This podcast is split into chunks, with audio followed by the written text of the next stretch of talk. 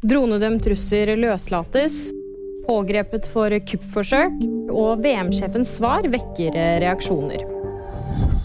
En russisk mann som ble dømt til 120 dagers fengsel for dronelovbrudd, løslates på fredag. Det sier advokaten hans til TV 2. Mannen ble stanset ved grensa i Finnmark på vei til Russland i oktober. Løslatelsen skjer ifølge advokaten etter at oligarksønnen Andrej Jakunin ble frikjent for å ha flydd ulovlig drone i Norge.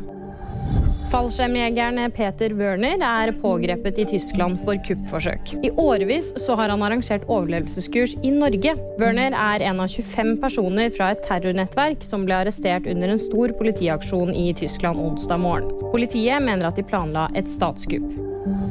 VM-sjefens svar etter at han ble konfrontert med dødsfallet til en gjestearbeider, får flere til å reagere. Tidligere under fotball-VM døde en migrantarbeider fra Filippinene på et luksushotell i Qatar. Da VM-sjefen ble konfrontert med dødsfallet, svarte han tydelig irritert at døden er en naturlig del av livet, og han refset også journalister for å spre det han mener er falske nyheter om migrantarbeidere.